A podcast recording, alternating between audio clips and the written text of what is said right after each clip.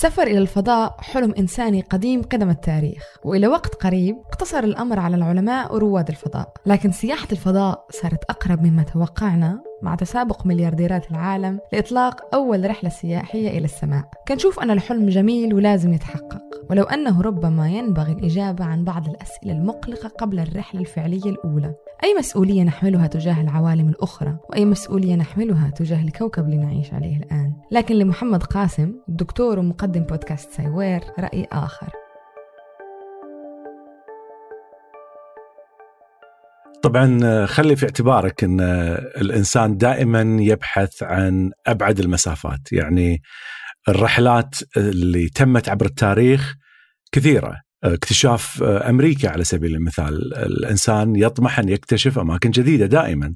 فهذا حلم يعني حلم قديم. الإنسان لما كان ينظر إلى النجوم في بدايات حياته بدايات تفكيره. هذه النظرة هي نظرة إلى البعيد بحث عن الأشياء البعيدة. هذا أمر قديم جدا للبشرية ولكن محاولة الوصول لهذه الأشياء هي أمور مستجدة جديدة. سياحة الفضاء الآن إحنا عندنا ثلاثة بليونيرية ريتشارد برانسون جيف بيزوس إيلون ماسك. إيلون ماسك طبعا هو اللي بدأ رحلة المليارديرية إلى الفضاء. أخذ الإمكانية للسفر عبر الفضاء من الحكومة وحولها إلى شركة خاصة. ولكنه ما بدأ في سياحة سياحة فعلية للفضاء. لا هذه جيف بيزوس وريتشارد برانسون هم اللي أخذوا على عاتقهم هذا المجال.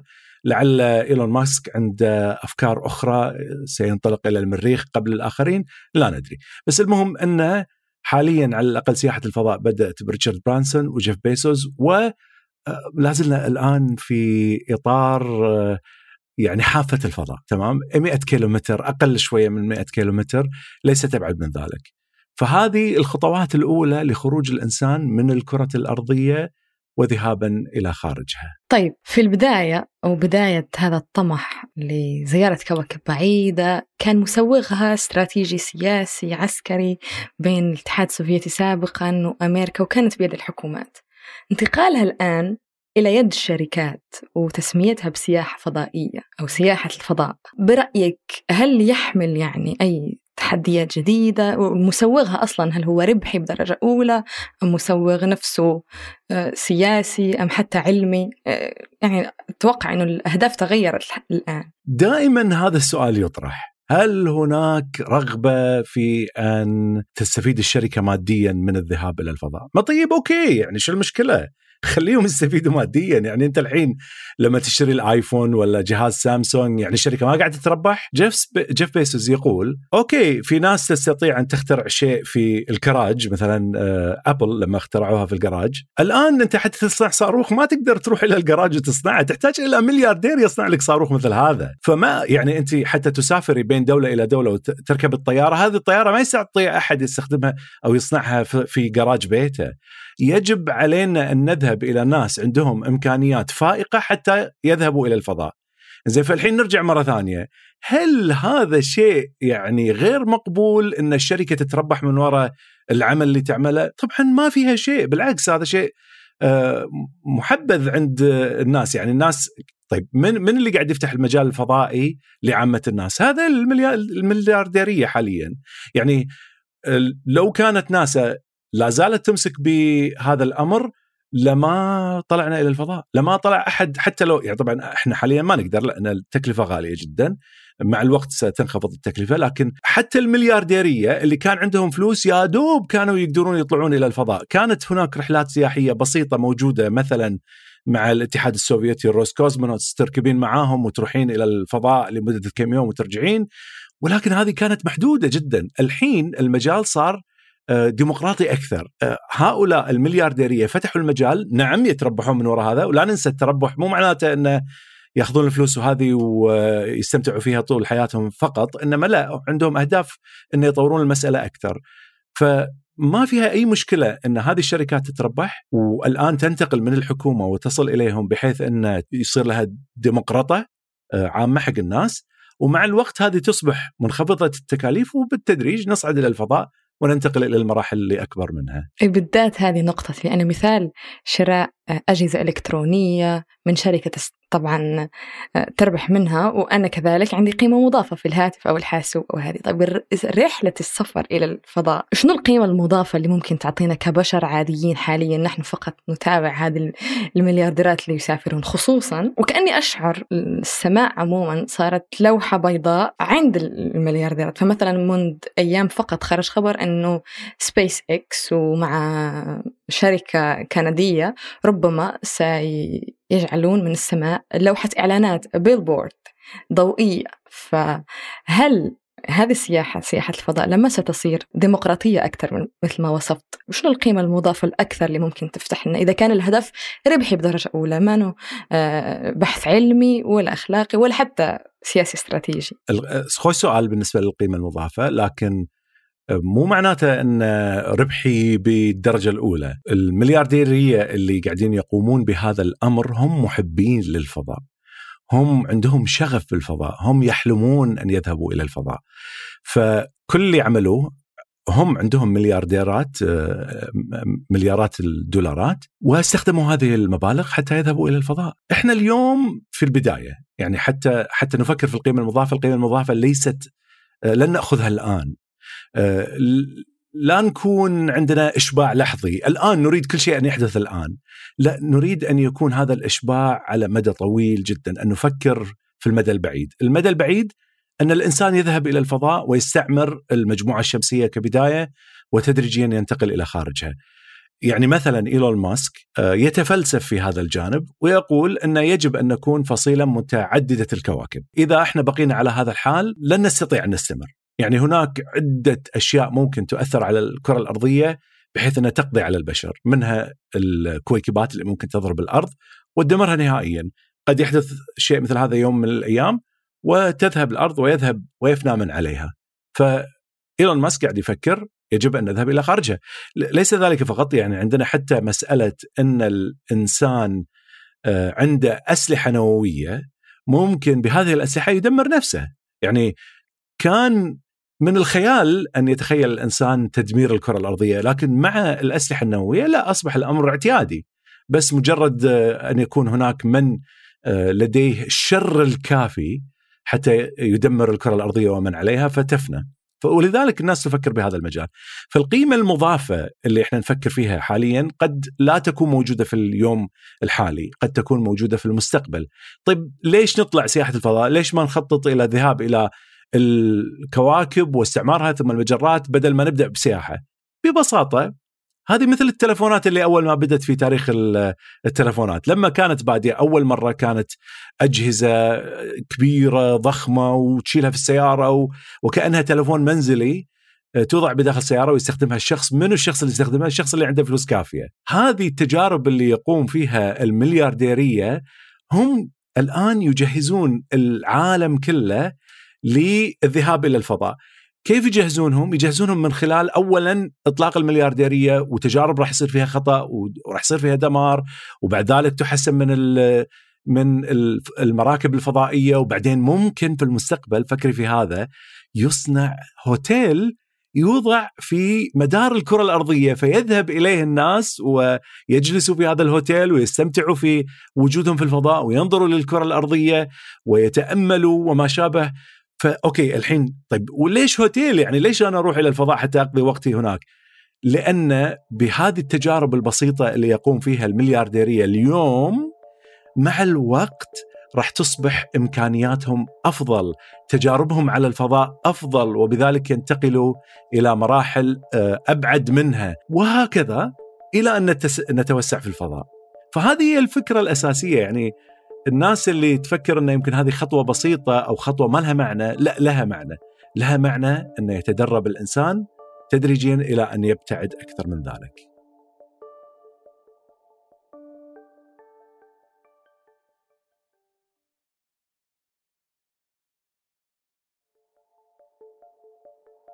طيب لو نرجع لسياحة الفضاء ونسأل كونها في خطواتها الأولى شنو التوقعات والارتسامات في السنوات المقبلة يعني الملموسة أو اللي يتوقع أنها تتحقق. أنا طبعا واحدة من الأشياء اللي سويتها رحت سجلت على موقع من المواقع في سحوبات صايرة على أساس إن أطلع على صاروخ أو طائرة فيرجن مالت. سجلت لعلي احصل على فرصة. فلما تسأليني عن المستقبل القريب المستقبل القريب لسه يعني خلي المليارديرية وال الناس اللي عندها فلوس كافية هم الذين يذهبوا إلى الفضاء ويستمتعوا في الأيام الأولى وبعد سنوات طويلة بعد ذلك ستبدأ الأمور تنخفض في الأسعار. ليش تنخفض؟ لأن اولا هناك عدة شركات تريد أن تشارك في الموضوع هذا. الشركات اللي راح تشارك راح يفرض على بقية الشركات التي بدأت بتخفيض أسعارها تمام يعني تخيلي إلى أي درجة إحنا نفكر دائما الحين أو خلينا نقول الآن نفكر نحن إن الذهاب إلى الفضاء يعني الذهاب إلى حافة الفضاء اللي هي 100 كيلومتر بعيدة عن سطح الأرض تمام؟ واللي ذهبوا إليها جيف بيزوس وريتشارد برانسون ريتشارد برانسون شوي أقل. ولكن ليست هذه هي الحافة الوحيدة. هناك أيضا شركات الآن شغالة على أساس انه بدل من تاخذك إلى الحافة تاخذك إلى مستوى أقل شوية وعن طريق بالونات والتكلفة راح تكون أقل. مع الوقت ومع خروج شركات أكثر من هذه راح تبدأ سياحة الفضاء تصبح أقل تكلفة وتسمح لناس أكثر أن تذهب. متى راح يصير هذا الشيء؟ إحنا نعرف إن السنة القادمة يمكن تبدأ الرحلات عند ريتشارد برانسون، أما جيف بيزوس للحين ما أعلن متى الرحلات ستبدأ فعليا، يمكن 30 سنة أو شيء كذي يمكن هذه الأمور تبدأ تصبح اعتيادية. فلسه الموضوع راح ياخذ له وقت. إحنا إذا التلفونات اللي هي تعتبر بسيطة أخذت سنوات طويلة فما بالك في أمر مثل الفضاء اللي هو مكلف جدا. وال يعني الدفاعات اللي تحتاج إلى يعني فيول عالي حتى ومكلف حتى يذهب الشخص إلى الفضاء. وغير انه وهذه نقطة صدق حبيت أقولها عن الديمقراطة إن لما كانت الصواريخ عند ناسا كان الشخص يحتاج إلى تقريبا سنة كاملة حتى يتدرب إلى أن يصل إلى الفضاء، أما الآن جيف بيزوس وريتشارد برانسون لا خلوا الصاروخ هو الذي يسهل العملية لرائد الفضاء أو الشخص الذي يعني يعني الحين تخيلي مثلا أنا أريد أن أصنع جهاز وهذا الجهاز ما راح يستخدمه إلا أنا. لما أنا أستخدمه أنا أعرف كل العيوب اللي فيه فما أصنعه بحيث إنه يكون يتحمل أمور غير اعتيادية لأن أنا أعرف كيف أتعامل معه بسهولة. لكن لما تصنع هذا الشيء لملايين أو مليارات الناس لابد أن تصنعه بطريقة أي شخص يستخدمه ما تصبح فيه مشاكل. يعني ياخذون بعين الاعتبار حتى واجهات المستخدم وكل هذه الأشياء بحيث ان تكون تجربة متكاملة. بالضبط بالضبط يعني لازم وتسهل العملية بحيث إن الشخص يعني لاحظي جيف بيزوس منو أخذ معاه؟ أخذ معاه والي فانك الامرأة التي حاولت أن تذهب إلى الفضاء عدة مرات ولكنها ما يعني ما حظيت بالفرصة. عمرها 82 سنة 82 سنة مو شوية فتخيلي كيف يعني لو تقولين لها تعالي يلا نوديكي على صاروخ مع ناسا أو روسكوزموس يقولون ابدا مستحيل ليش؟ لأن تحتاجين إلى تدريب مدته سنة 82 سنة لن تتحمل هذا التدريب ابدا فوين تأخذها؟ تأخذها إلى جيف بيسوس هي تركب على صاروخ مجهز لها وليست هي التي تتجهز لصاروخ يعني فهذه الفكرة اللي تسهل حق للناس الذهاب إلى الفضاء. طيب أستاذ قاسم، هل صحيح نحن نقول الآن انه ربما الأمر يقدر ياخذ عشر سنوات ل 30 سنة حتى يصير الأمر ربما متاح للجميع، لكن في عمر الأبحاث الفضاء مع ذلك مدة قصيرة نسبيا، فهل تشعر إنه ربما هذه الشركات بعيدا عن نواياها يعني بس هل أجابت الاسئله هكذا شوية مقلقة بمسألة الفضاء؟ هل لما نسافر هذه البيئة في في في الفضاء كيف أثرنا عليها وهل عندنا مسؤولية أخلاقية تجاه الفضاء والملفظات والنفايات المعدنية اللي ممكن تكون. يعني هنالك أسئلة شوية حتى أخلاقية وممكن حتى أقول وجودية لأنه فهمنا للعالم في إطار الكوكب الصغير. هل تشعر أن هذه الشركات أجابت عن هذه الأسئلة حتى أم أنها شوية مغامرة؟ حتى يجدوا نفسهم في مرغمين أنهم يجيبوا على هذه الأسئلة بطريقة أو بأخرى. آه، إذا كانت على مسألة النفايات، النفايات بدأت قبل الشركات، يعني كمية الأقمار الصناعية اللي موجودة في الفضاء الخارجي كثيرة جدا آه، إلى درجة أن الآن بعض الشركات وبعض الدول تفكر في طرق مختلفة لاصطياد هذه الأجسام وإنزالها إلى الأرض حتى تخلو السماء منها. طبعا لما أقول تخلو السماء مو معناته أن السماء يعني مزحومة إلى درجة أن كل مليمتر فيها مسدود، لا. فالفكرة أن من هذا الجانب العلماء شغالين عليه، لا محالة سنصل إلى مرحلة أن الفضاء ينملأ، إيلون ماسك قاعد يملأ الفضاء بستلايتات يعني 60 ستلايت ورا بعض 60 60 60 كل سنة يبعث 60 أو أكثر فهو قاعد يملأ الفضاء بهذه الأشياء. هذه طبعا استجابة لطلبات آه، حاجة الإنترنت على سبيل المثال تمام؟ وهذه آه، أسئلة أخلاقية يجب أن نهتم فيها وننظر لها ونتأكد أن الفضاء يبقى مفتوح للناس اللي تنظر إلى السماء. يعني الرحلة التي بدأنا بها من نظر الإنسان إلى النجوم لا نريدها أن تنقطع الآن ها؟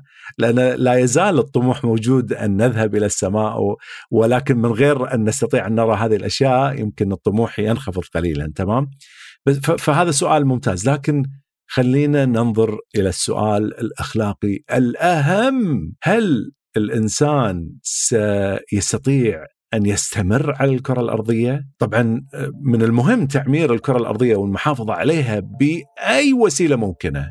يعني الفضاء حاليا ليس الحل، ليس الحل لبقاء الإنسان.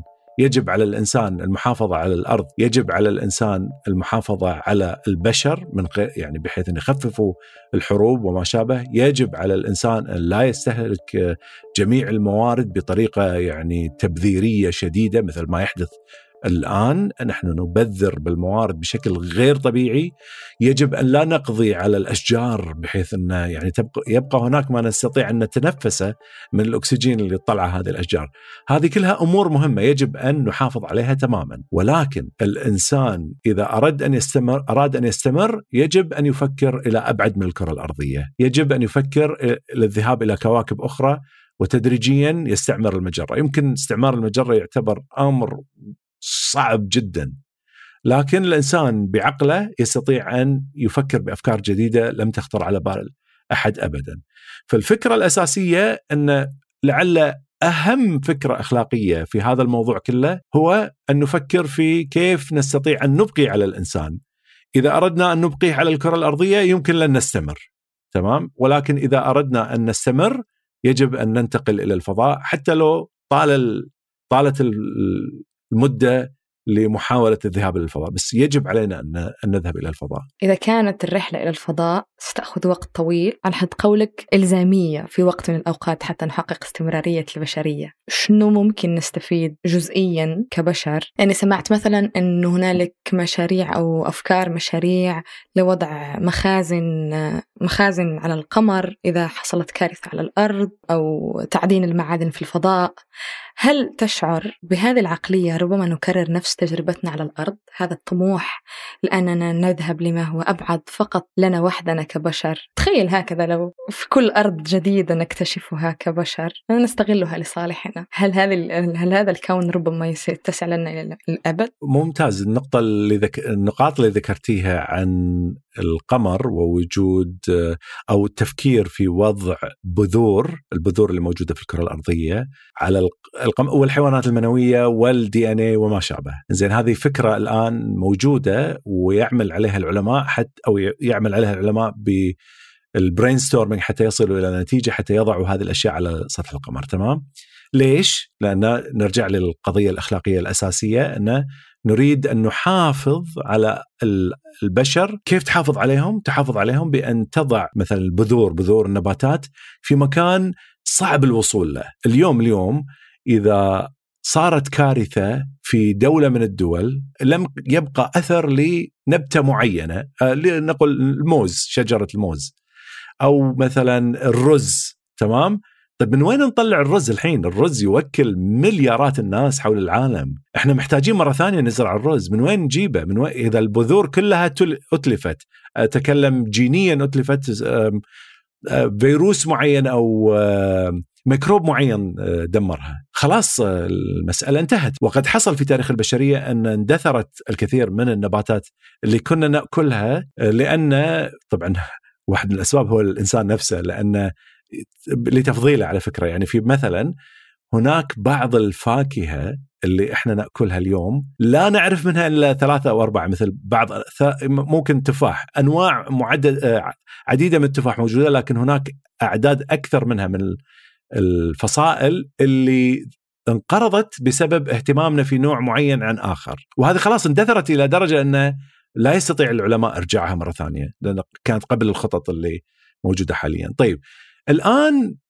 أنت تريدين أن تحافظي على النباتات حتى إذا صار فيها إشكالية تأخذي هذه البذور وترجعيها إلى الأرض من القمر، فهذا أمر للبقاء، فاذا هذه الأفكار تحافظ على البشرية، نعم فيها صرف زيادة عن الوضع الحالي لكن إذا أردنا أن نحافظ على البشر لأن إحنا نعرف إن في المكان اللي إحنا نعيش فيه حاليا لا توجد فصيلة ذكية في الكون هذا اللي إحنا نعرفه حاليا على الأقل. فنريد أن نحافظ على أنفسنا. الجانب الآخر اللي هو التنافس على مثلا آه، تنقيب البلاتينيوم مثلا من كويكب. هل هذا راح يحدث؟ طبعا راح يحدث. هل راح يصير هناك تنافس على الذهاب لها وإتيانها إلى الأرض طبعا راح يحدث.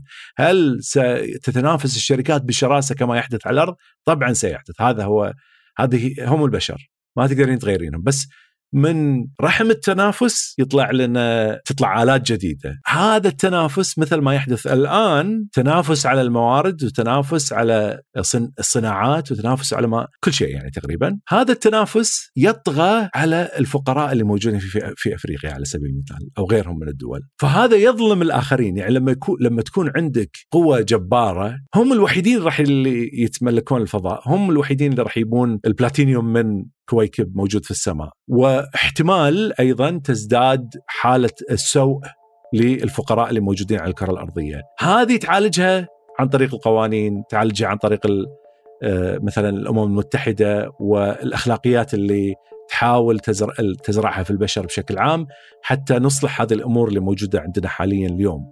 فنعم التنافس راح يكون موجود وهذا أمر ضروري، التنافس يخلق أشياء جديدة ما كنا نقدر نخلقها في السابق. وفي نفس الوقت يجب زراعة الأخلاقيات. تمد الدول هذه أيديها وذروعها إلى الدول الفقيرة اللي تحتاج المساعدات. أنتجت هذه الحلقة مرام الضبيبان أشرف على إنتاجها ثمود بن محفوظ وحررها عبد الله المالكي. كيف نصنع مستقبل أفضل؟ شاركونا مقترحاتكم وأسئلتكم على بريد البرنامج. بكرة at ثمانية dot com وتابعونا على حساب إذاعة ثمانية على تويتر at ثمانية بودكاست